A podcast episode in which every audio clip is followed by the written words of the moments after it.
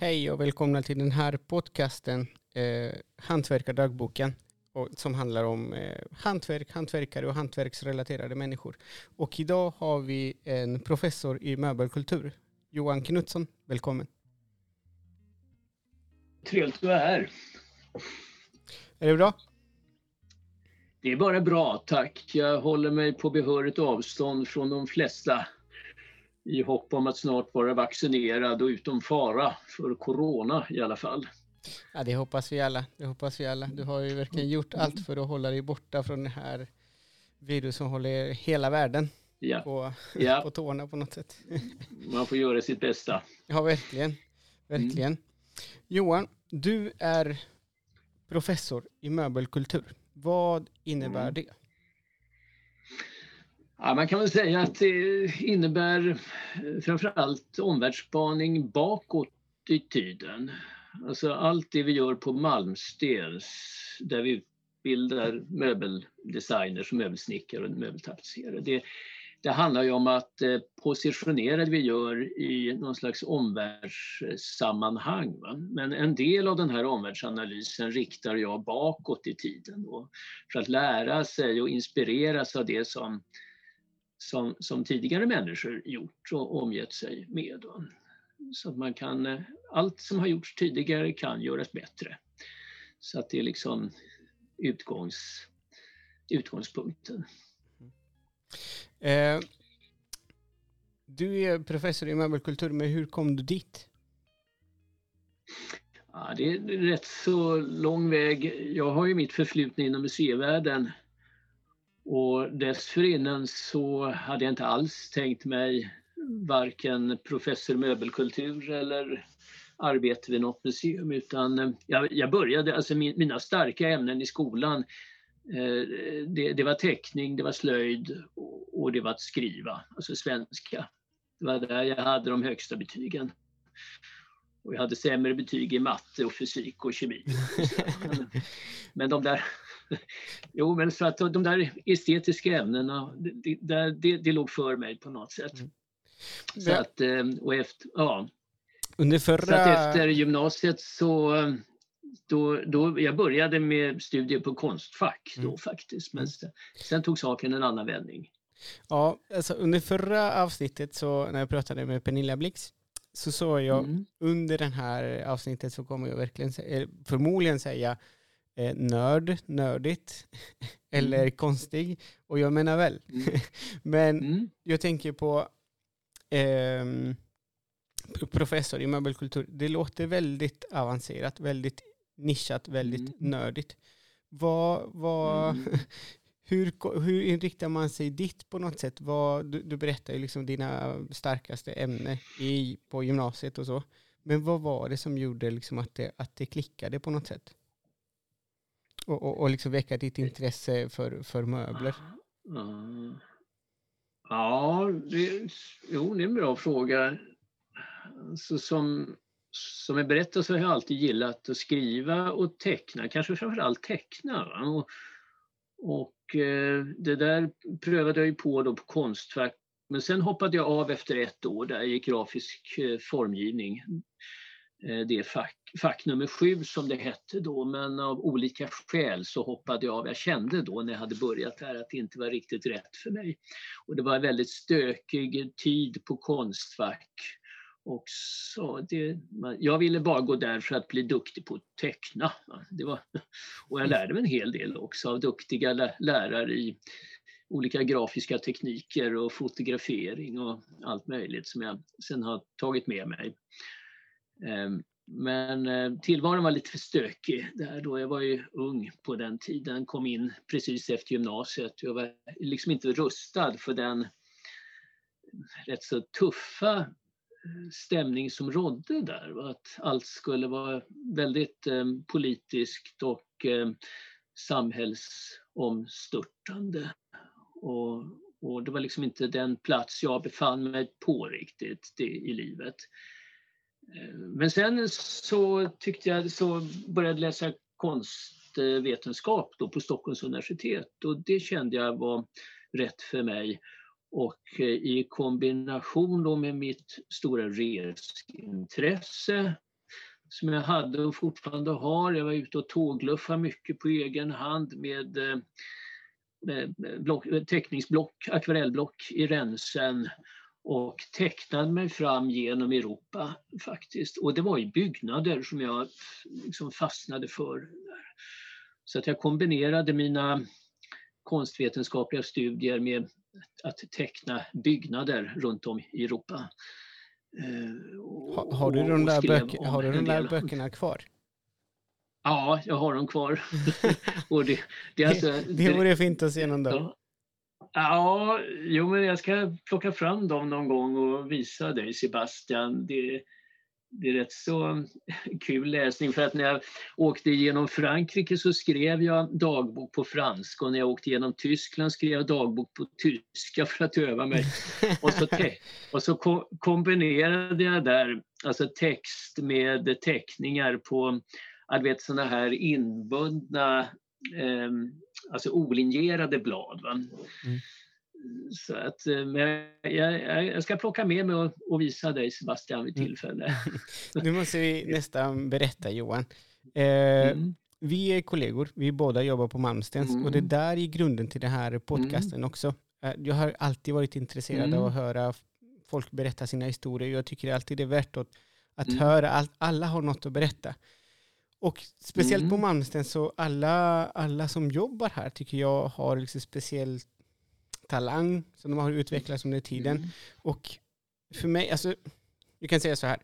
Jag, eh, jag hade dig som lärare när jag gick på Malmstens och det var, jag, jag flippade mm. totalt när du kunde titta på en möbel och se att den här möbeln är tillverkad i den här delen av Sverige och förmodligen visste du också vilken hantverkare det hade tillverkat, en stol eller en möbel. Och det finns vissa möbler som är typiska från vissa områden i Sverige. Och det där tycker jag liksom är väldigt värdefullt. Det där kan inte, kan inte försvinna. Men eh, för något år sedan, kan vara två år sedan, hade vi en liten eh, eh, utställning där vi bara alltså, var anställda här på Malmö. hade vi en liten, eh, någonting att visa. En liten utställning att visa för studenterna. Mm. Mm. Och så började jag liksom mm titta och så, ja men det där gjorde Martin, det här gjorde Leif, det här gjorde Maria och mm. sådär. Men jag kunde inte sätta fingret på vad det var du hade gjort. Och du hade akvarellmålningar va? Mm. Mm, det stämmer. ja, så det, och det, det är något som jag alltid har sysslat med och gärna gör också och fortsätter med alltjämt. Det, det är praktiskt det där att ta med sig på resor. Mm. Det är lätt, lätt att ta med sig. Det torkar direkt till skillnad mot olje, alltså pannor med oljefärg som det är mer komplicerat att ha med sig på resan. Mm. Så att eh, det där är ett praktiskt sätt och att uppleva och jag tänkt på det, jag har tecknat, överhuvudtaget tecknat mycket och vill, vill jag lära känna en möbel så gör jag det bäst genom, genom den tecknande handen. Mm. Så att gen, genom pennan så, så avläser jag möbeln på något sätt och, mm. och ser hur de olika delarna hänger ihop och liksom har lättare för att analysera utfyllda. vi kommer att prata sen om, du har skrivit flera böcker, vi kommer att prata om det, men när du mm. åker någonstans, du, du skissar.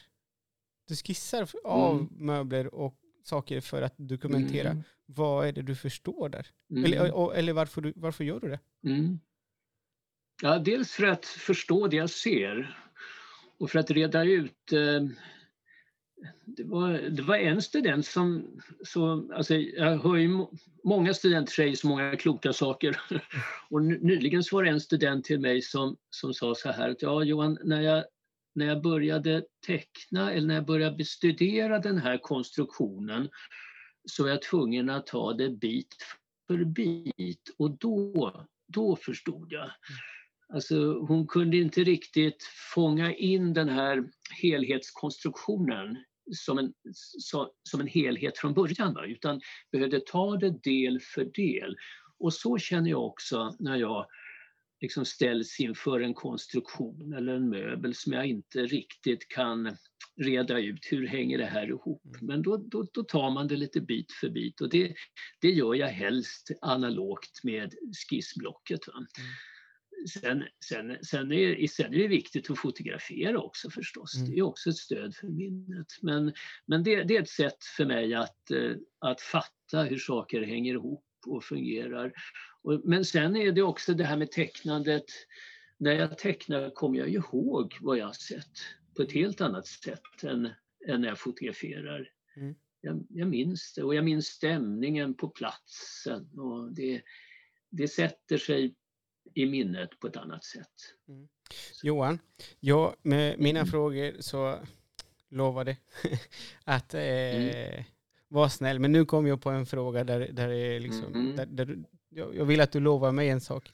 Eh, vi startade mm. tillsammans en eh, Instagramkonto som heter Möbelhistorikern. Och det är ditt konto. Ja, det, ska vi, ska vi ta det är tag mitt dåliga samvete. ja, vi kanske, vi kanske skulle utlova det nu när vi har många vittnesmål på det. men, äh, men det där, Sebastian, du vet ju mina svagheter där också. Den digitala världen. Den, ja, jag, jag, jag hjälper dig gärna Johan. Det är svårt att smälta. Det, jag ja, hjälper dig gärna, det är inga, inga konstigheter. Jag tycker att det var jätteroligt för att det finns fyra bilder publicerade. Mm. Det finns det faktiskt, nu tittar jag faktiskt i telefonen och det står att du har 318 följare. Eh, och du berättar om möbler och detaljer. Och mm. För oss nördar som mm. älskar trä och möbler, mm. Det är väldigt värdefullt. Så mm. eh, när det går så kommer jag mm. påminna dig genom att vi måste ta tag i det här. Jo, men, men det, det, är klart. Det är ett lovvärt initiativ, Sebastian. Ja, det är bra. Du Johan, men mm. det gick från att du målade hus. Mm. Mm. När började du liksom med, med mm. möbler? Och, och varför? Ja, ja, då kan man säga att det som gör att man hamnar i olika fack är ju det är slumpens skördar väldigt mycket, tillfälligheternas spel. Eh, jag kände ju efter några års studier då på universitetet att, eh, och en kandidatexamen i konstvetenskap och arkeologi och lite annat. Och då tänkte jag, vad ska jag, göra det vad ska jag använda den här kunskapen till? Och då, då fanns det i stort sett, eh, jag, jag, jag kunde bara se en, en, en väg att gå, det var museivägen. Så att jag sökte och fick jobb på ett väldigt spännande museum, då Skokloster Västerslotts barockmuseum mm. utanför Stockholm. Och, och då kan man väl säga att jag i och med det, jag, jag kom in i ett nytt eh, ämnesområde som jag inte var riktigt beredd på kanske. Jag hade förstås eh, sommarguidat lite grann på Skokloster och, och sådär tyckte det var en fascinerande miljö. Så där. Men jag, jag, jag var ju då ännu inte specialist på möbler på något sätt. Men jag hade, jag hade den här blicken för konstruktioner med mig från arkitekturen. Jag hade, hade det varit ett jobb ledigt på Arkitekturmuseet så hade jag nog sökt det och kanske fått det, möjligen. För att min, eh, mitt intresse låg väldigt mycket åt arkitektur då. Eh, detta var omkring 1980 början på 80-talet. Och, och det här arkitekturmuseet, eller arkitekturintresset då, det tog jag ju med mig in i möbelvärlden och fann att det var ju en, ett väldigt, det fanns så tydliga kopplingar mellan en möbels och en byggnads eh, konstruktion va? och disponering av bärande, burna, utfyllande delar. Så att det gick väldigt lätt att analysera möbler utifrån arkitektur, tänkte jag. Så att, eh, och det där och det gjorde ju att eh, jag, jag, tog mig an den uppgiften då på Skokloster. Det var ett jobb ledigt, intendent med inriktning på konsthantverk och möbler. Och jag sökte och, och fick det då. Mm. Och, och sen är det ju alltid så när man hamnar någonstans i livet så ser man till att bli specialist på det området. Verkligen. och då, man, man, får ta för sig. Va? Och, och det, det, är klart att då, man ska ju ha lite tur också i sammanhanget. Och att, att, det finns, eh, att det finns chefer som tror på vad man vill och, och ger liksom utrymme att utvecklas. Det, det, det, är en väldigt viktig egenskap hos varje chef att, att se möjligheterna och lämna utrymme åt medarbetarna. Och, och jag fick mycket utrymme där måste jag säga. Eh, jag hade en chef som såg, såg värdet i eh, i konsthantverket på Skokloster. Som, det var ju, var ju en väldigt internationell miljö. Det är nog den mest internationella miljö som jag har jobbat i egentligen. Så att, um, Skokloster. Vi hade mycket kontakt med omvärlden, med andra europeiska länder också, minns jag. Uh, och jag fortsatte att uh, grotta ner mig i 1600-talets konsthantverk framför allt. och fick möjlighet att eh, bygga både utställningar och skriva böcker om det. Så, att, eh, mm. eh, så, så där är det. Man, man ska ha lite tur och lite, lite flyt och så, och så får man ju ge järnet förstås när det behövs. Mm. Men så, så. Vad, vad gjorde du efter Skokloster? Hade du någon tydlig idé? Eller, ja, sen, eller, så, så, här, kan jag formulera frågan. Ja. Mm. Mm. Du, du pratar om slumpen. Att och det, jag tror att det, att det är många som kanske kan känna igen sig där. Att det är liksom slumpen mm. som säger vad man ska mm. göra och så. Mm. Jag, när jag gick mm. ut, jag skulle göra jag hade tydlig idé på vad jag ungefär ville göra. Så, men mm. sen så land, eller det slutade med att jag började jobba här. Eh, mm. det, det, det fanns inte på kartan för mig.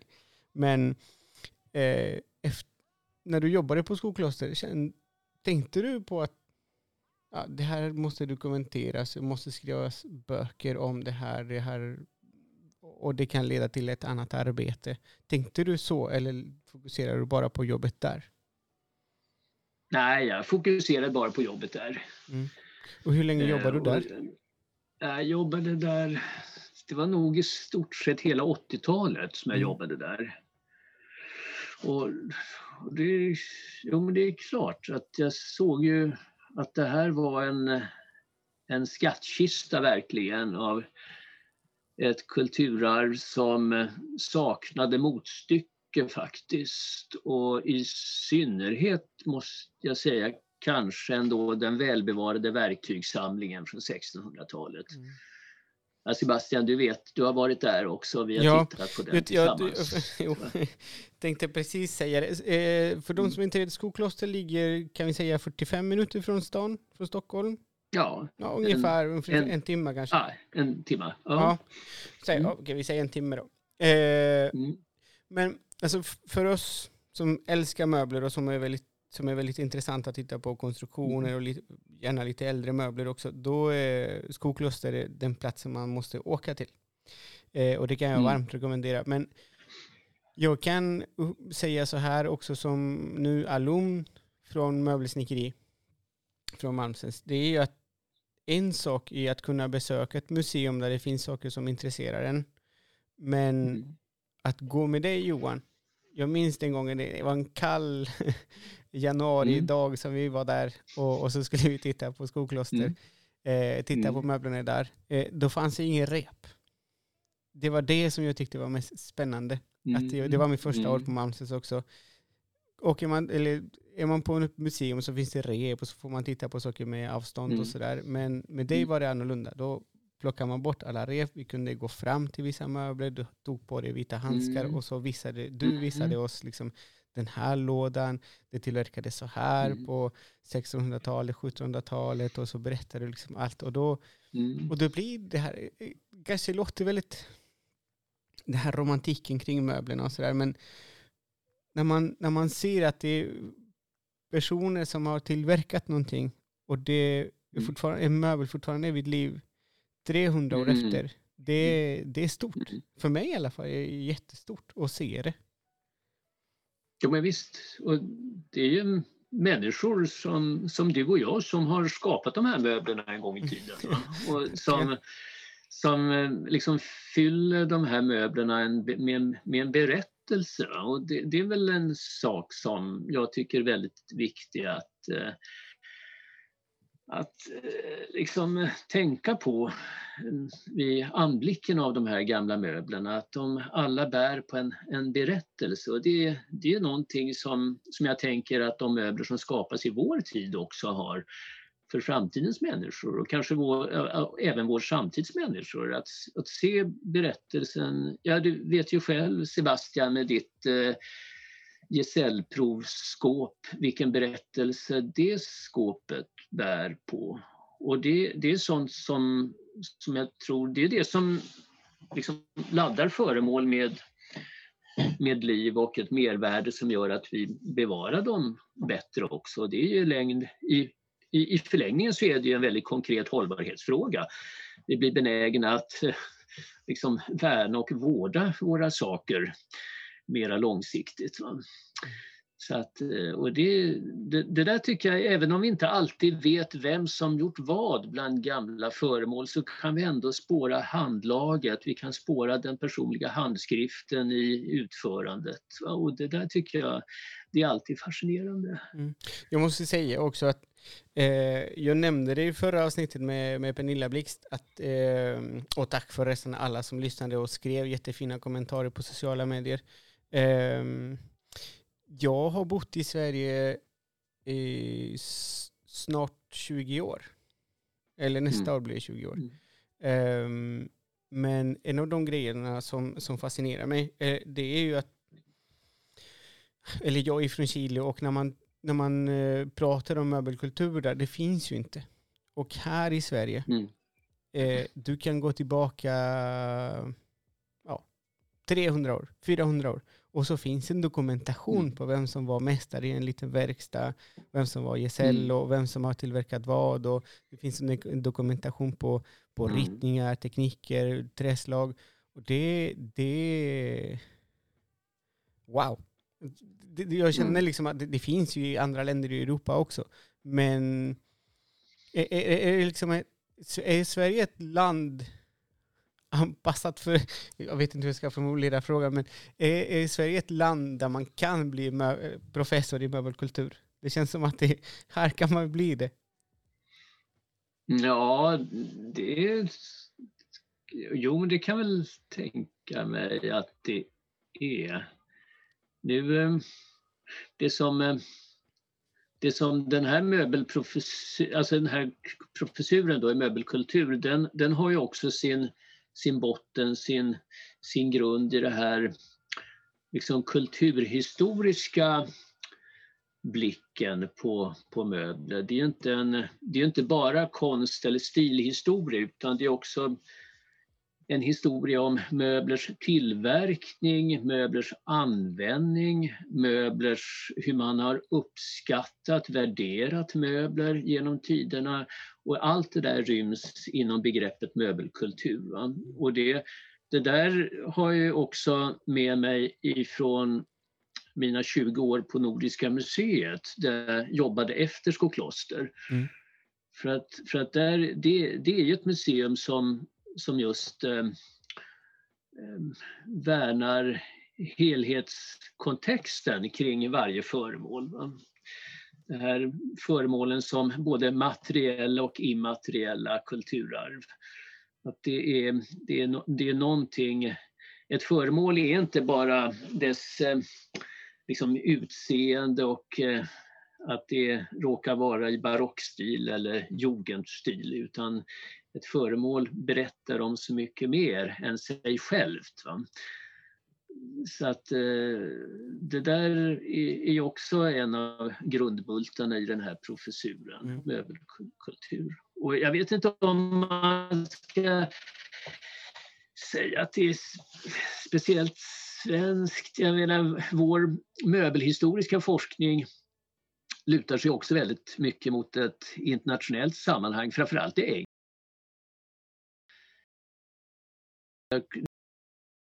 i kontakt mera med den internationella möbelforskningen måste jag säga än, än vad jag gjorde på Nordiska museet för att det var Skokloster var en sån internationell miljö va? så att det, det, var liksom mer naturligt att ta emot utländska besökare och forskare där. Och det var naturligt för mig och mina kollegor på Skokloster att, att besöka kollegor utomlands också på studieresa och sådär. Så att, eh, så att eh, Tysk, Tyskland och, och, och, England och kanske i någon mån Frankrike va, har, har ju, där har det funnits många skickliga möbelforskare. Mm.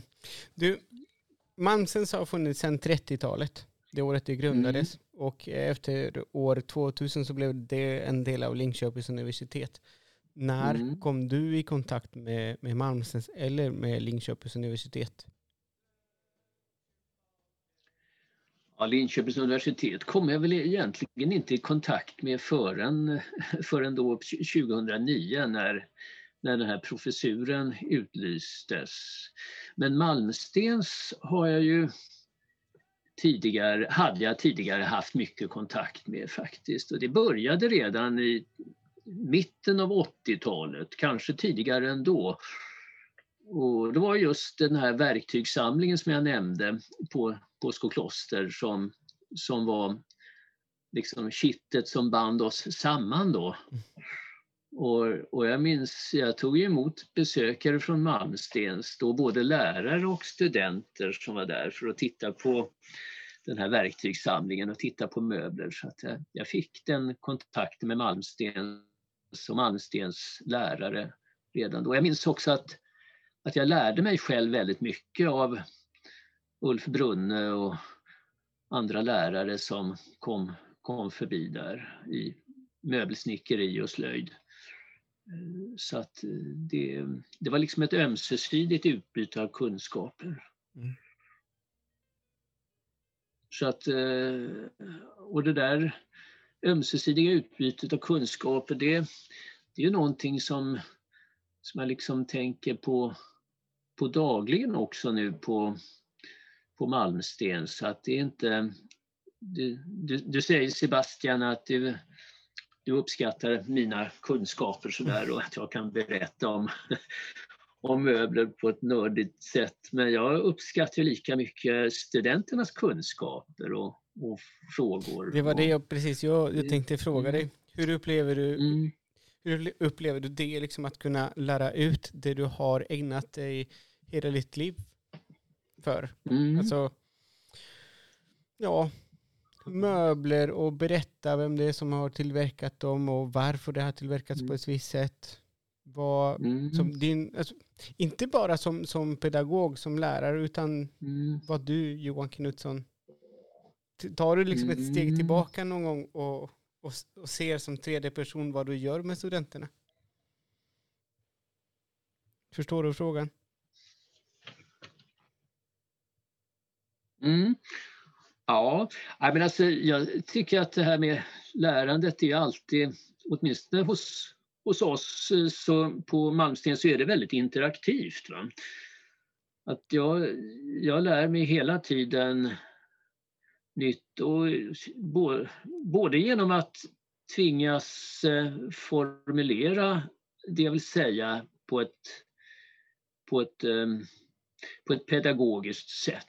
Det, det, det, det är nyttigt och, och liksom fokuserat eh, föra fram, kommunicera på ett begripligt sätt. Det, det är alltid nyttigt men, men också för att jag ständigt får nya frågor jag minns till, till exempel en, en, en, sån här fråga som eh, det var någon som ställde frågan till mig som och det handlade om arbetsekonomi då och undrade har Johan, när kan man tala om slarv och när kan man tala om arbetsekonomi i, i möbler? Jag tror, jag tror att det var en tapetserarstudent som ställde frågan vid något tillfälle för att hon hade en noterat att baksidor ibland kunde vara så slarvigt gjorda och var det här okej? Okay? och, och, och, så pratade vi om det och så tänkte jag, ja men det är en jättebra fråga. Ska man döma ut något som slarv bara för att det liksom råkar vara slarviga baksidor på något när det i själva verket inte spelar ett dugg roll för hållbarheten. Det håller lika bra och ser lika snyggt ut framifrån även om baksidan är slarvig. Mm. så att det, det, där var ju en fråga som jag tog med mig och som till och med blev utgångspunkt för en hel bok minns jag. Och sen så en, ja, men alltså, jag tycker jag hela tiden får, får såna här frågor som, som får mig att gå hem och fundera och, och grubbla. Ja, det, så kan man ju också se det och mm. vad kan man göra åt det här? Nu var det, idag pratade jag med en student som funderar mycket på liksom, den parallella utvecklingen mellan mode och möbler, alltså dräktmode och möbler. Mm. Kan man se en kan man se, är det, är det liksom två, två föremålskategorier som utvecklas parallellt och påverkar varandra hela tiden och har det alltid varit så genom historien? Och jag tycker det är en jättebra fråga. Det kan man verkligen fundera på. Och just, just sådana här frågor får, får mig liksom att, eh, att börja tänka till. Och så där är det väl alltid när, när man ska när jag, när jag sätter igång att skriva någonting eller utforska något så är det, det kan, dels kan det vara något som jag själv har gått och grubblat på länge men, men ofta är det just något, någon fråga bland studenterna som triggar igång. Mm. Ja. Känner, känner, du att, att man bidrar liksom lite mer ömsesidigt där då? För att det känns som att du kan liksom mm. berätta väldigt mycket där man kan få väldigt mycket inspiration. Det var så i alla fall i mitt fall. Ja. Men att du får lika ja. mycket inspiration av studenterna. Ja men det är klart, man får ju bekräftelse på att man är inne på rätt spår eller, kanske, eller åtminstone på ett intressant spår.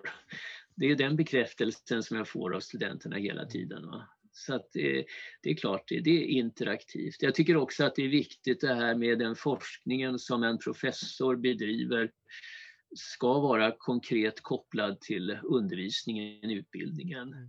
Det, jag ser det inte som skilda spår alls, mm. utan det, det, det, det hör ihop. Mm. Det, tycker jag, det tycker jag är jätteviktigt. Mm.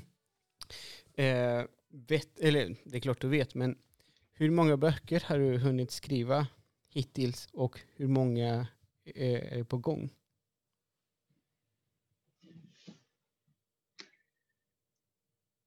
Ja, det är lite svårt att, att svara på det men låt säga att det kanske är 15 böcker som, som bara jag ensam har skrivit och så kanske, men det mesta som jag skrivit det är ju liksom i, som olika kapitel i olika standardverk eller artiklar i, i tidskrifter och andra böcker och och där kommer man säkert upp i en 150-160 olika artiklar. Wow. När jag wow. tänker efter. Mm. Det, det, har, jo, men det, ja, men det blir ju en del. Och jag, jag har ju någon slags skrivklåda i alla mm. fall, det måste man säga.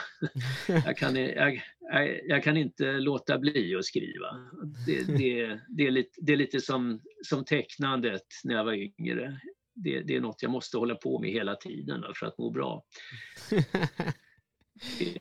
Det, är, det är en livsstil på något mm. sätt. Och, en fråga. Ja, men det, har, det, har, det har ju också att göra med det här som jag pratade om förr. Mm. Ja.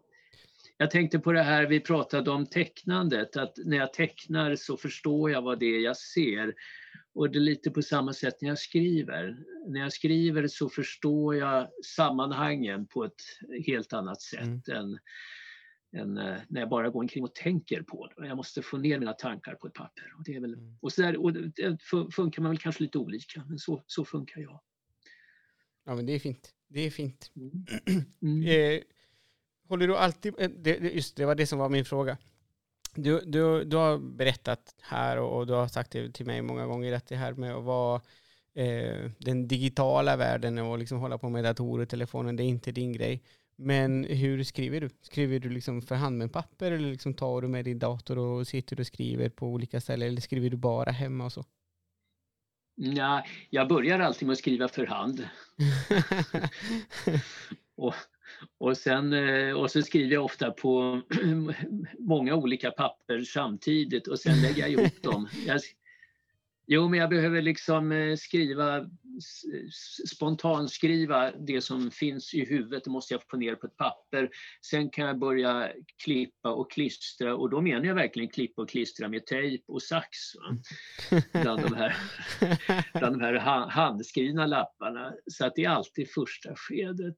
Men sen sätter jag mig vid datorn och, och skriver som på en skrivmaskin. Mm. Och då, och då blir det ju version efter version va? Mm. I, i en lång följd tills jag känner mig nöjd. och sen sitter du igång och skriver i datorn då? Ja, just det. Så är det. och håller du på med någon bok nu? Ja, just nu så är det faktiskt en, en rätt så stor bok eh, blir det om Carl Larsson-gården. Wow, eh, alltså Carl Larsson-gården i Sundborn utanför Falun, det var ju där som Karin och Carl Larsson, det var ju dit de flyttade 1890. De sveptes ju med i den här allmogeromantiska vågen då. Och då många kul kulturpersonligheter drog till Dalarna och slog sig ner där. Va? Mm. Eh, och dit hörde alltså Karin och Carl Larsson. Och, och, jag tycker de är intressanta och det hem de byggde där är intressant därför att det känns så samtidsrelevant för oss idag. Mm. Allt det här med eh, skapa sig det individuella hemmet. Inte foga, sig, inte foga, foga in sig i en bestämd kategori eller en stil utan att göra som man vill. Lite personligt och skapa ett hem för, för, de, för de boende, inte för gäster. Det, det tycker jag är, är så spännande. Och, och, att de tog vara på det befintliga också. Att mm. de äh, återbrukade möbler. Det, alltså, om man ser sig runt på Carl Larsson-gården så är det egentligen inte många möbler som är tillverkade för Carl Larsson-gården utan det mesta är äldre möbler som har omgestaltats, uppdaterats. Va? De har klätts om, de har målats om, de har byggts om. Och det, allt det där känns så himla relevant i vår tid med, med det här med reparerbarheten och uppdaterbarheten hos möbler som väl många möbelproducenter idag ägnar sig åt. Mm. Så att det finns, eh, ja, det, finns väl, ja, det finns många fler aspekter som gör hela Carl så relevant för, för vår tid och eh, inte minst för Malmstens utbildning. Mm. Det har också varit relevant för, jag kan ha 100% fel här nu, men för barn, barnmöbler va? Eller liksom hur barn ska röra sig mm. i hemmet och så. Visst är det så? Ja, ja jo, men det är klart. Eh, det, Karin och Carl Larssons hem i Sundborn, det var väl kanske det första hemmet i, i världshistorien där barn tilläts ta plats och synliggöras i hemmet. Man fick sitta med vid de vuxnas matbord och där, de, där barnen fick vara med och, och leka och liksom eh, slänga saker omkring sig. Och mm. Att det inte behövde vara så uppstyltat. Va? Mm. Utan ett, eh, ungefär bilden av ett hem som ett hem borde vara. Den, det var ju mm. den som lanserades då med Carl Larsson-gården och mm. den fick en stor, en stor verkan också på omvärlden i och med att eh, de här bilderna från alltså Carl Larssons egna målningar från hemmet, de, de publicerades ju på både, i både tyska och, och engelska tidskrifter, framförallt tyska. Så att, ehm, och på svenska förstås. Och spreds i stora upplagor. Så att, det var väl ett, det första riktigt massmedialt hårdbevakade hemmet i världshistorien. Så att det finns, finns skäl att verkligen ägna Carl Larsson-gården en, en rejäl lunta. Mm. Och den, den håller jag på med.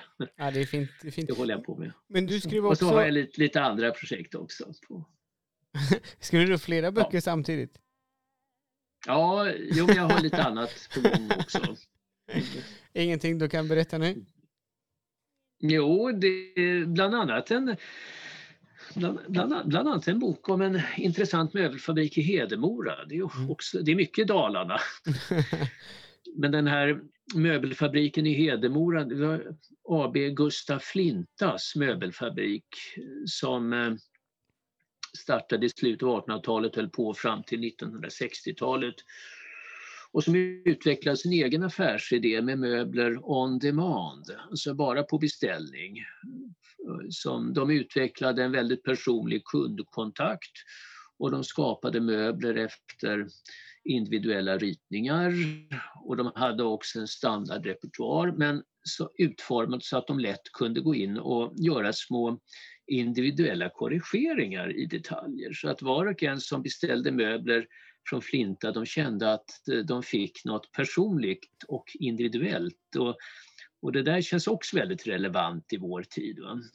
När vi talar om det småskaliga och behovet av eh, möbler utformade efter kundens egna önskemål och behovet av att få känna, liksom kunna utveckla sin individuella smak. Nu gick den här fabriken, den, den gick omkull då på 1960-talet men eh, affärsidén känns eh, aktuell. Och, och, det är rätt kul det där för att det, initiativet till den här boken det är inte mitt eget utan det är faktiskt en, en, en, en, forskare i lokal historia i Hedemora som har samlat mycket av det här materialet och som jag har haft kontakt med sedan många år mm. tillbaks.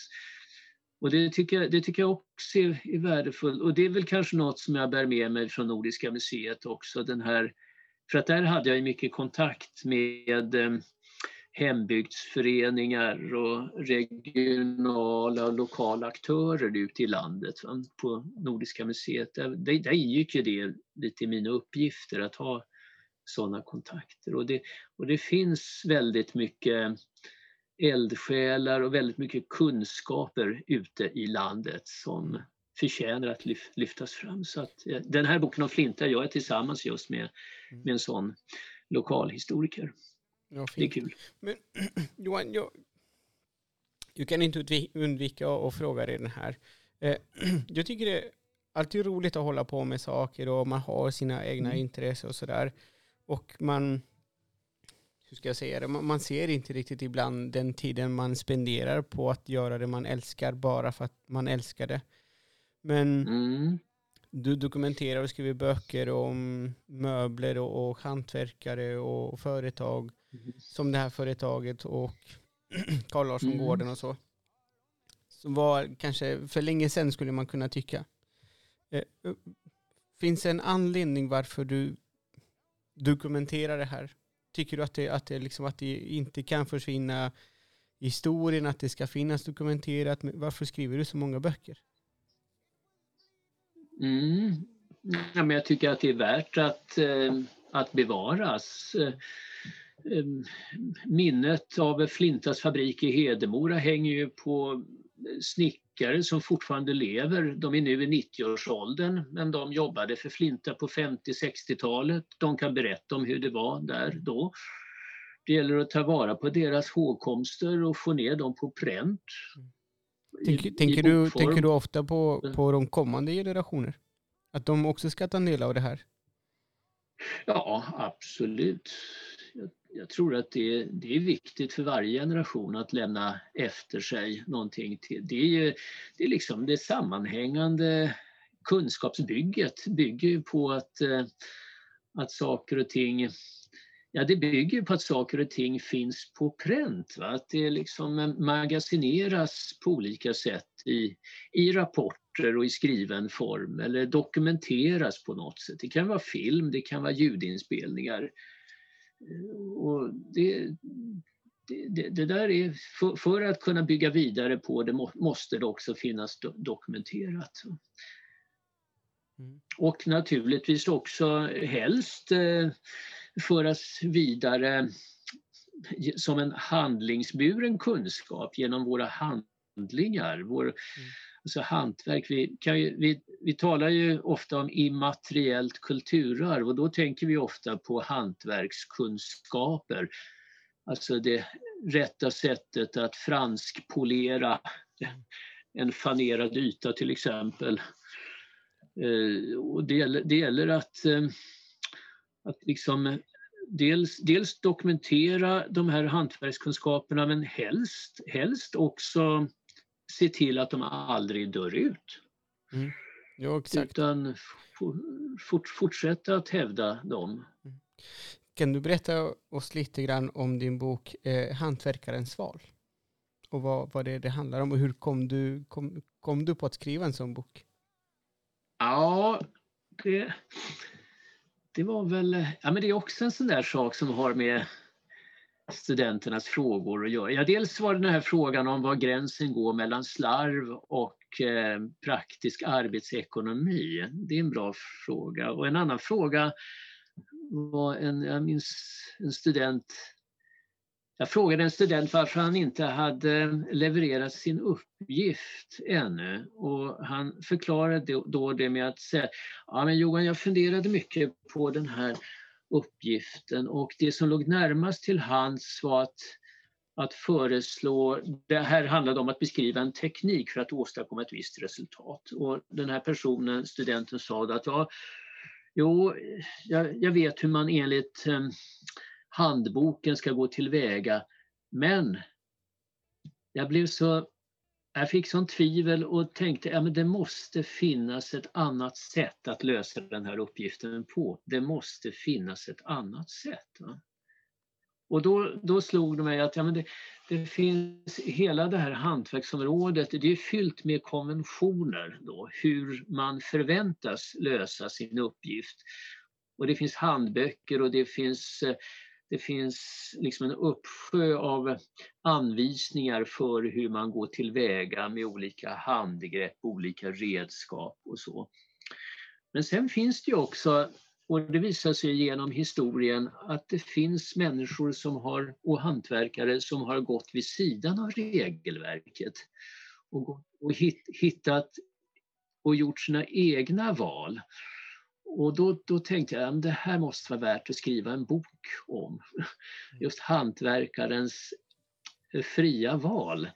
Och vad, vad genom möbelhistorien som är liksom resultatet av, av den här oreflekterade konventionen, alltså det som bara det som bara fortsätter och pågår och att man fortsätter att bygga möbler och utföra ett hantverk på ett sätt som det alltid har utförts. Det, det är bra i och för sig. Men sen finns det också vid sidan av de som har, de som har sökt andra vägar. Mm. Och, och det, det, kan man väl säga, det var väl det, var, det är väl en av idéerna bakom den boken, mm. Hantverkarens val. Kan du skillnaden, om du kan svaret, skillnaden mellan hantverk och konsthantverk. Det, det, det bara väckte frågan när, när du pratade om att det finns hantverkare som går andra vägar och då tänkte jag direkt på mm. konsthantverk för att det finns många hantverkare, eller hur ska jag säga det, människor som mm. håller på med konsthantverk som är jätteskickliga hantverkare men de väljer att göra något annat. Vissa hantverk, tekniker på ett mm. helt annat sätt. Ja. Jo, men det, det kan man väl säga att konsthantverk, där ska, det ska ju finnas någon, eh, vad ska vi säga, någon vision om en konstnärlig gestaltning, en visuell gestaltning mm. hos, hos en konsthantverkare. Det, det, det, det, det, måste, det måste ju till. Och det, det finns ju många som kan som kan utveckla sin, eh, sin, sin hantverksskicklighet utan att eh, vara intresserad eller kanske kunna utveckla den konstnärliga sidan. Det är, det är den kombinationen som måste till. Va? Konst, mm. Konstnärlighet och eh, handlarskicklighet och kanske vetenskaplighet också. Mm. Eh, för er som ja. lyssnar på den här podcasten så vill jag eh, berätta att jag hade jättegärna velat ha Johan här bredvid mig. Men vi tar lite distans på grund av pandemin. Så vi har det här samtalet går genom Zoom. Mm. Så hackar det lite ljudet och sådär så hoppas att ni har lite överseende för att det är sånt som händer. Eh, det kan hända lite, lite avbrott och sådär men hoppas ni, ni förstår. Eh, de kommande eh, avsnitt hoppas jag att jag får till det någon, någonstans någon gång är att vi får till det liksom på två, tre personer på samma plats. Vi, vi, får se hur det går. Men så vill jag även tipsa om att eh, den här boken, eh, Johans bok Handver val, finns även eh, hos eh, Rubanks eh, verktygs. Eh, Eh, hemsidan gav jag förra, eh, förra gången också. Hyvlar.se där man kan köpa allt inom möbelsnickeri, eller eh, alla verktyg till möbelsnickeri. Maskindelar också.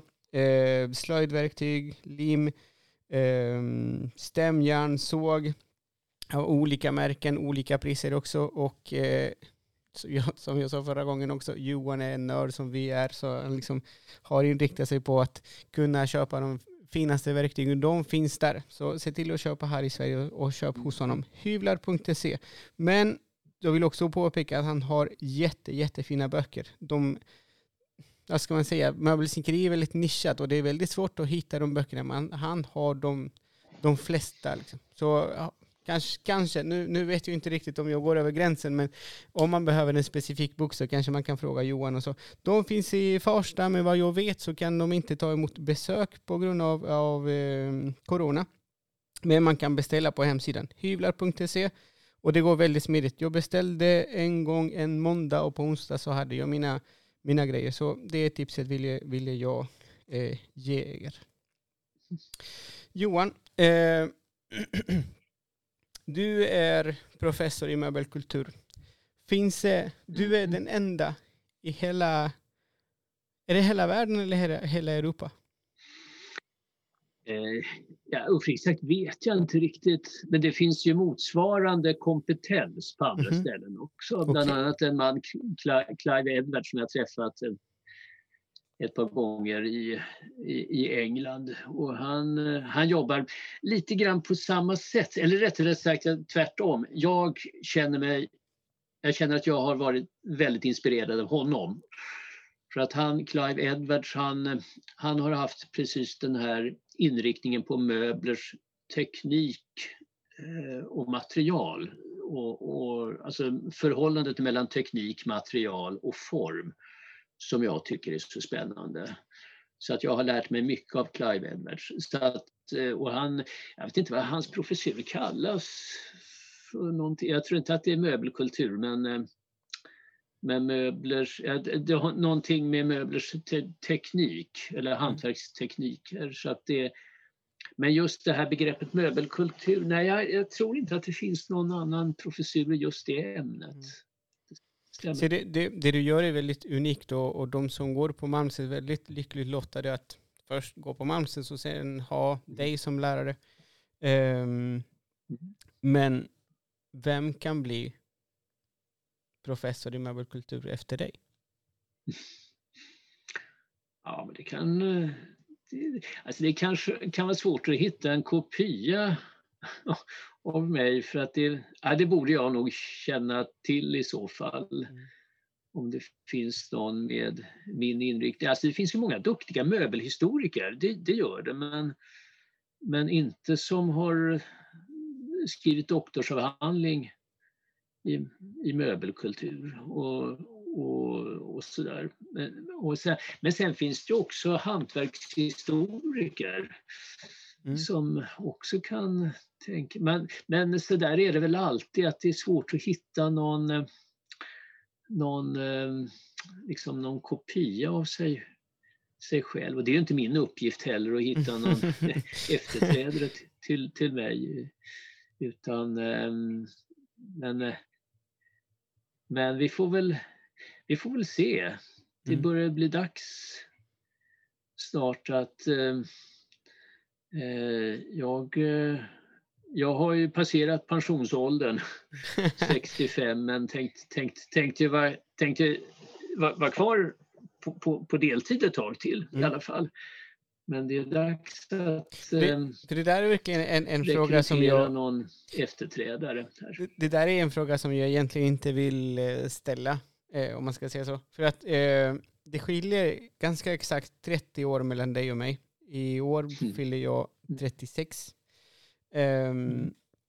Så det börjar liksom bli dags för din pension och så. Men jag vill inte kalla dig pensionär Johan, men, mm. men hur, Tack. vad lämnar du efter dig rent akademiskt som en, eh, hur kan man säga, retirerad akademiker? Jag kan, jo, men det jag är mest stolt över det är väl att eh, och, och det här är ju något som jag har gjort tillsammans med mina kollegor förstås. Det är ju inte mitt, min förtjänst alls, men jag har väl bidragit till det. Att, att liksom eh, inkludera, in, integrera det här med möbelkulturen som en, som en del i helheten på Malmsten. Alltså inte bara någon slags rolig timme alltså någon föreläsning i möbelhistoria på fredag eftermiddagen. Utan att, eh, att ha integrerat möbelkulturhistoriska synsättet genom hela verksamheten. Oavsett vi talar om ergonomi eller hållbarhet eller materialförståelse eller, eller former och uttryck och utseende och sådär. Men oavsett vad vi talar om att, att att ha det här synsättet, eh, det kulturhistoriska synsättet, det är väl och, och som, som, som jag tillsammans med kollegor har utvecklat i olika kurser och, och sådär. Det, det känns väl som det har satt sig nu efter tio år. Och, och det hoppas jag kommer att fortsätta också. Mm. Men du kommer fortsätta på, på halvtid på Malmstens? Hur mycket kommer du hinna skriva också? Mm. Där. Har du redan jo, planer men, på, på några böcker? Ja, nej men alltså en, tan en tanke är att kunna frigöra ännu mer tid för min skrivklåda. och, och, sen så vill jag gärna hinna med lite annat också, måla akvarell och, och mm. liksom vara ute och lite, lite, lite mer kajakpaddling kanske och lite utomhusaktiviteter. Jag, jag, kan ju bara prata, jag kan ju bara prata för mig, för mig själv, men jag tror att det är många som, är, som lyssnar som kan eh, hålla med mig när jag säger att du har gjort väldigt mycket för, eh, för dokumentationen av möbelhistoria i Sverige. Och det är de böcker som du har skrivit, de mm. finns liksom i kurslitteraturen för, för Malmstens och, och det är säkert många andra skolor också. Det, det, mm. det är helt underbart att kunna liksom ta sig tid att läsa en av de här böckerna och få så mycket, så mycket liksom på, i, i, i, en bok. Få så mycket information, få så mycket bilder, få så mycket så här. Um, för att, ska jag förklara det? Ibland så kan man titta på böcker, som du sa från början, att det, det var, jag har ju, måste ha kanske 25 böcker som pratar om hur man ska sinka eh, och hur man ska utbehandla. Och det finns väldigt mycket information och folk gör si och folk gör så och det finns olika sätt. Men det finns inte så mycket dokumentation om hur folk gjorde ja, för 300 år sedan, för 100 år sedan och varför valde ett mm. hantverk, en hantverkare att göra på ett visst sätt. Så det är därför jag tycker det, det, dina böcker är väldigt spännande och mm. eh, jag har alltid uppskattat våra samtal, speciellt, speciellt den här. Som vi kan mm. dela med oss till, till, ja. till fler, till fler som, som älskar mm. möbler. Ja. Men jag har en ja, fråga Johan. Eh, hur viktigt är hantverket i det svenska samhället?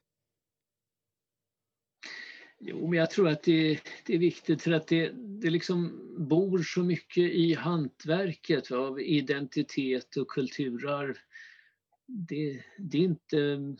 Alltså hantverk är ju, det är något mer än bara själva hantverket som jag ser det. Det finns, eh, det finns en idé om handens... Eh, alltså länkarna mellan hand, hjärna, hjärta. Det finns en idé om det småskaliga, det personliga, individuella. Det finns en idé om hantverk som eh, liksom eh, Tycker du att det kan vara en... Berättelsen om ett visst landskap. Eller, ja, det finns så mycket med hantverket. Som, var, jag tror att det var det som var ja. min fråga också. Mm. Kan det vara en identitet för en viss plats eller för ett land? Tycker du att det, att det ja, blir så?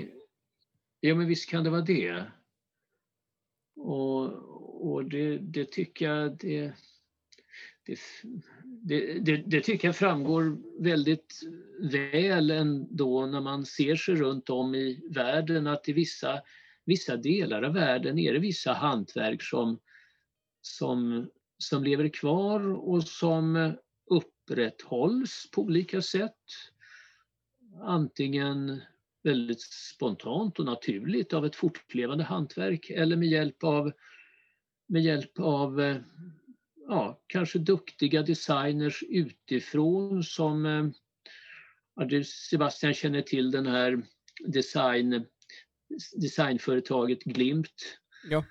Som, som, som lyfter hantverket i eh, eh Sydafrika och eh, Chile tror jag. Och, De var i eh, Peru? Vietnam. Och Peru var det och Vietnam vet jag att de har varit i också. Mm. Och gör det på ett väldigt eh, på ett väldigt eh, ska vi säga, respektfullt sätt. Inte i avsikt att eh, liksom pådyvla befolkningen ett västerländskt designspråk utan, utan lyfter det lokala hantverket på dess egna villkor. Och det tycker jag är väldigt tilltalande. Det, det var lite ja, lite, Monica Förster har jobbat på det sättet också. Och eh, den här arkitekten eh, som jobbade tillsammans med Le Corbusier, eh, vad heter hon, Perian då, mm. som jobbade med japanska hantverkare på 30-talet. Så att eh, det finns, alltså det finns så väldigt mycket av en identitet och jag tror självförtroende i, i de gamla hantverken som, som är värda att, att ta vara på. Tänk, eh, tänker jag. Johan, under dina undersökningar, eh, jag har alltid varit intresserad om kvinnans roll i, inom ett hantverk. Eh, finns det några namn och vad ägnade sig kvinnorna åt inom hantverk förr i tiden? Alltså kvinnornas roll har ju varit väldigt undanskymd, åtminstone i de här eh, klassiska hantverken som vi mest ägnat oss åt. De här, de här hantverken som organiserades i skrån då i städerna från medeltiden och framöver. För att där var det ju endast män förbehållna att vara innehavare av ett hantverk och en verkstad och ha burskap i staden.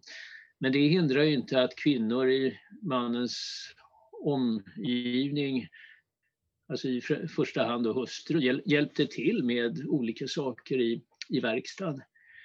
Och, och sen så finns det också hela den här allmogens värld där kvinnor, det var kvinnor som stod för tillverkning av textilier för, för hemmets in, inredning. Så allt ifrån spinning, vävning, broderi, eh, sömnadsarbeten. Så att, eh, men, men de kvinnorna har ju inte liksom uppmärksammats i samma höga utsträckning som, som, som personer, individer, utan man har, och då är det framförallt inom hemslöjdsrörelsen som man har upp, upp, liksom uppmärksammat den här kvinnliga slöjden då, som man kallat mm. det för, men mera som ett kollektivt arbete och det har varit mera tillfälligheter som gjort att man uppmärksammat enstaka individer.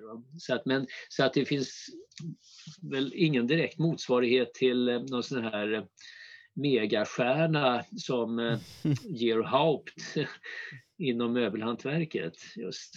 Mm. Mm. För, jag, för jag tänkte, vi pratade ju, du nämnde Glimt, att de åkte till eh, Sydamerika, till Peru. Mm. Um, mm. Men där är ju ändå något liknande på något sätt, för att det, allt som är med, lite större, det känns som att det är män som gjorde det. Alltså en stol, ett mm. bord och tillverkning, liksom hålla på med mm. hyvlar och sådär.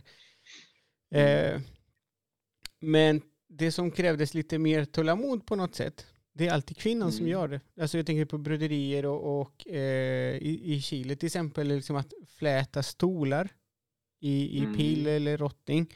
Det var ju kvinnans, mm. eh, kvinnan som mm. gjorde det. Eh, och sen så mm, blev det liksom mm. att, att män tog över det. Och sen det var samma sak i, i, inom keramik. Det var kvinnan som visste ja. mer, det var kvinnan som gjorde liksom allt för att de behövde liksom en, de behövde tallrikar, de behövde en kastrull, så de började liksom själva ja. lära sig att men det är den här typen av jord, om man säger så, som, som lämpar sig för att kunna liksom hålla på liksom tillverka en, en, en tallrik och så bränner man på det här viset. Men de som mm. såg business i det här var männen. Så de, mm. eh, mm.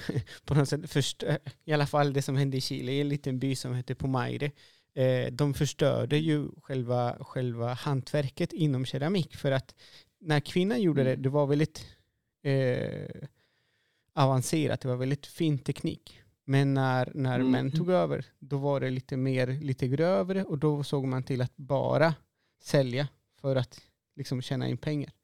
Så att Män mm, tog mm. över och ja. de tänker mm. framförallt på det... pengar och inte på själva tekniken. Ja, just det. Men det blev ett näringsfång då. Exakt. De började tjäna pengar på det och tidigare så hade det varit mer för husbehovet kanske. Exakt, exakt. Så, så? Ja. Exakt. Ja. Så, så, så började det på något sätt och det, den byn är ju liksom känd för, för eh, keramik. Eh, men det var kvinnan mm. som gjorde det från början. Och samma sak med, med fläta i, i rotting eller, eller pil och så. Men här i Sverige, mm.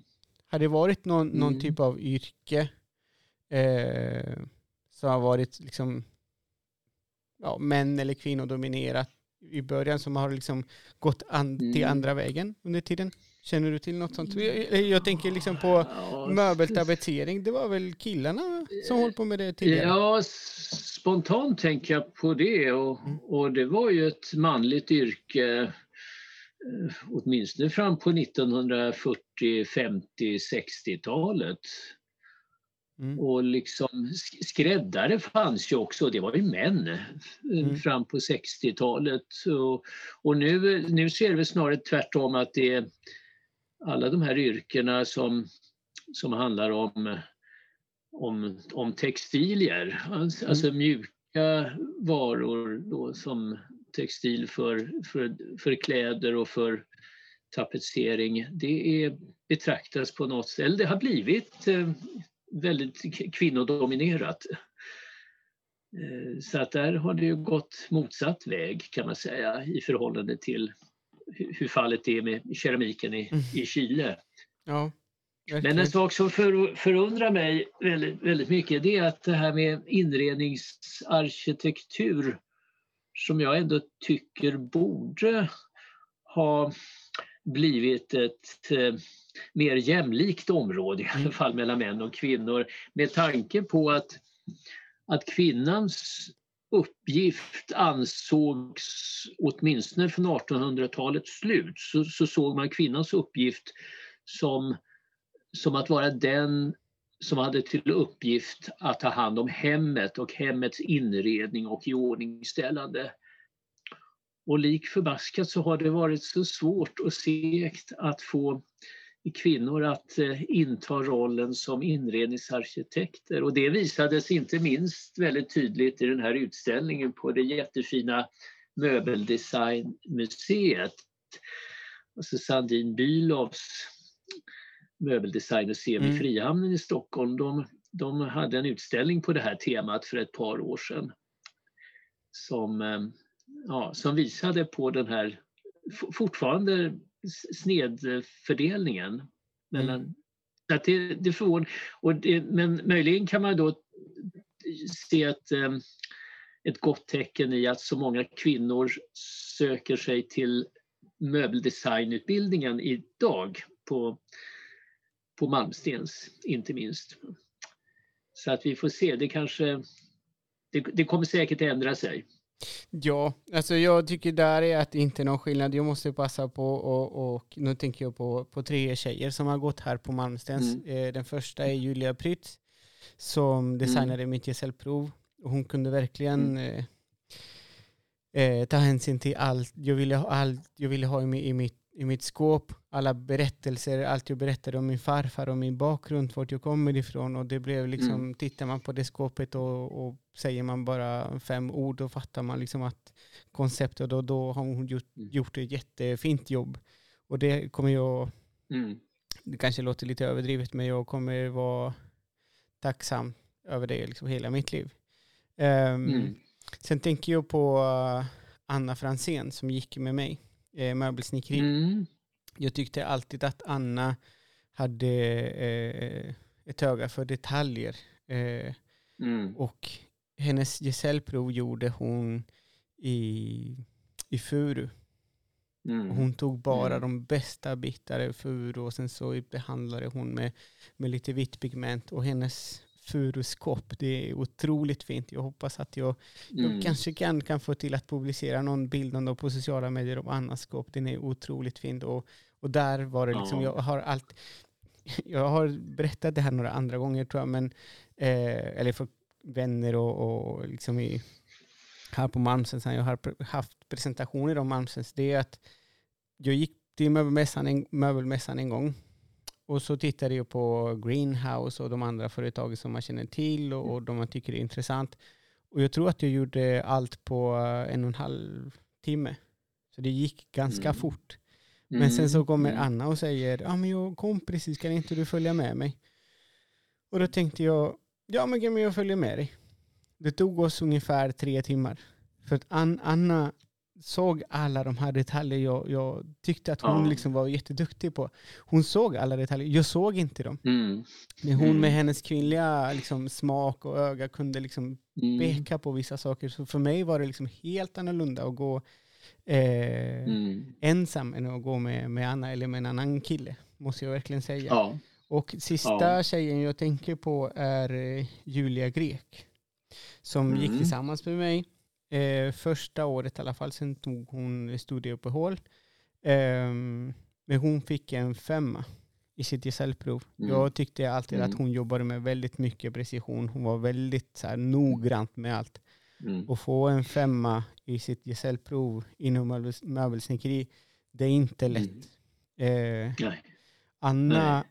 Julia, fick, eh, Julia Grek fick fem. Anna fick en 4,8. Eh, mm. Och jag fick en 4,7. Jag hoppas att de lyssnade mm. här och att eh, mm. ja, jag hälsar.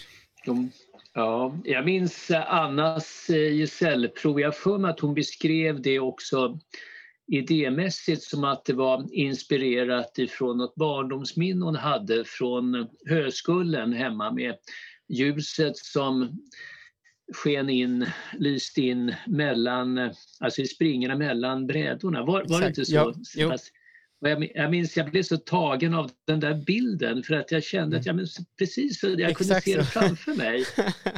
och det, ja, och jag minns, jag tycker det var så, och det är ju de flesta gesällprov har ju numera den här liksom bär ju med sig den här berättelsen och, och gör dem så eh, personliga. Och det är det jag menar lite grann med det här att varje, varje möbel bär sin egen berättelse och ibland är det alldeles speciellt och särskilt tydligt som, mm. i, ja, som i ditt fall Sebastian och som i Annas fall.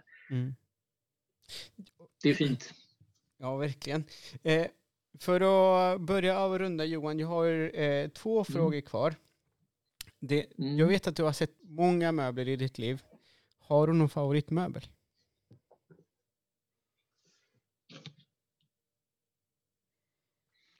Oj. Uh, Jösses vad svårt. Oj, vad svårt att svara på det. Ja... Nej, alltså nej, det kan jag inte säga för att det, det är liksom varje möbel har ju sin betydelse i sin plats mm. på något sätt. Jag, ja, och, och jag har ju tänkt på det för egen del också att möbler som, som man har hemma hos sig själv. Det är ju inte bara möbler som man valt själv för att man uppskattat ett hantverk eller en stil utan det kan ju vara något som minner om tidigare släktingar och, och, kanske en plats eller en människa eller någon händelse i livet. Och som, och jag har tänkt så mycket på det där med möblers emotionella funktioner. Mm. Att det, man kan liksom inte göra sig kvitt dem, tycker jag i alla fall, utan de finns alltid där. Sen finns det ju förstås möbler som är favoritmöbler av alla möjliga skäl. Ja, till mitt skrivbord som är, det är liksom både en plats där jag, mm. där jag gillar att sitta och skriva men och samtidigt så är det ett, ett skrivbord som tillverkades av min morfars, eller för min morfars far. Eh, wow. Någonstans i, i, i Medelpad i Havre socken mm. i Kölsilre. Och det tycker jag är lite kul. Det, det, det, det, det, det ger en speciell det ger ett speciellt värde åt en, mm. mitt, skrivbord. Så att, ja. ja. Jag förstår det helt och hållet. Ja. Det, helt det, finns, det finns vissa möbler man inte riktigt kan släppa. Jag minns när jag var liten nu mm. när jag, jag har en son, han fyller snart fyra år. Och han klättrar mm. alltid under bordet. Liksom, går ner mm. under bordet och så hittar på massa lekar. Jag minns ja. lukten och hur eh, bordet kändes där min, där min farfar bodde. Jag minns det ja. bordet, själva ytan ja. och sådär. Det är bara blunda och så, så tänker jag så här. Så här kändes det. Det var så, ungefär så här lång och så här såg allas fötter ut. Sådär. och sitta där som jo, barn. Det, och så ser jag att min son gör det nu. Kanske, det bordet vi har hemma, det har jag tillverkat. Så Mm. Förhoppningsvis, så när han är i min ålder så tänker han på, på mm. pappas bord. Eh, ja, eh, ja, men visst. Och det är det mm. som är poängen tycker jag också. Väl, och väl en, en viktig sak i ett hållbarhetsperspektiv också. Att etablera de här personliga banden mm. mellan människa och ting som, mm. som gör att de får ett värde som kanske till och med gör, höjer värdet så pass mycket att vi lämnar dem efter oss till kommande generationer. Mm. Sista det, frågan Johan här var, har du något museum eller plats, platsmuseum eller vad man ska säga, eh, som du kan rekommendera? Om du tänker på två. Möbeldesignmuseet i Frihamnen. Garanterat. Nummer ett. Nummer ett. Möbeldesignmuseet, ja. Och det andra? Ja, men Jo, men så tycker jag Skokloster. Skokloster. Det, ja, det, det, är liksom, det är svårslaget. Mm. För att eh, allting är så, allting är så autentiskt. Mm. Där, där finns eh, föremål kvar på sin plats där de har funnits sedan lång tid tillbaks. Eh, man kan identifiera föremålen i bouppteckningar, inventarieförteckningar som går långt tillbaks i tiden. Där finns, eh, eh där finns det storståtliga, liksom, eh, representativa och det finns det extremt enkla också. Så att det finns liksom alla schatteringar och alla varianter och allting mycket välbevarat och autentiskt. Mm, verkligen. Jag kan också Så rekommendera att, att, man åker till Skokloster. Det är väldigt fint. För de som är mm. inte bara möbelintresserade men kulturintresserade. Det är en jättefin plats. Mm. Mm. Ja, det är, det är unikt. Verkligen. Johan, jag har... Eh, mm. jag måste verkligen tacka dig för att du tagit dig tid att prata med mig. Att vi kan dela det här samtalet med andra. Tack för din tid. Mm. Eh, jag hoppas att du känner också som jag att vi hade jättebra samtal. Eh, att du inte ställde dig mot vägen när jag frågade om Instagram. Men vi kommer ta tag, ta tag i det. nu har vi lovat det. ja, ja. Nej, men Sebastian, det är alltid trevligt att tala möbelkultur med dig. Tack. Alltid inspirerande. Tack så mycket Johan, tack för din tid. Ja. Och eh, ni tack. som eh, lyssnar, vi, vi hörs snart igen. Hej då! Hej då!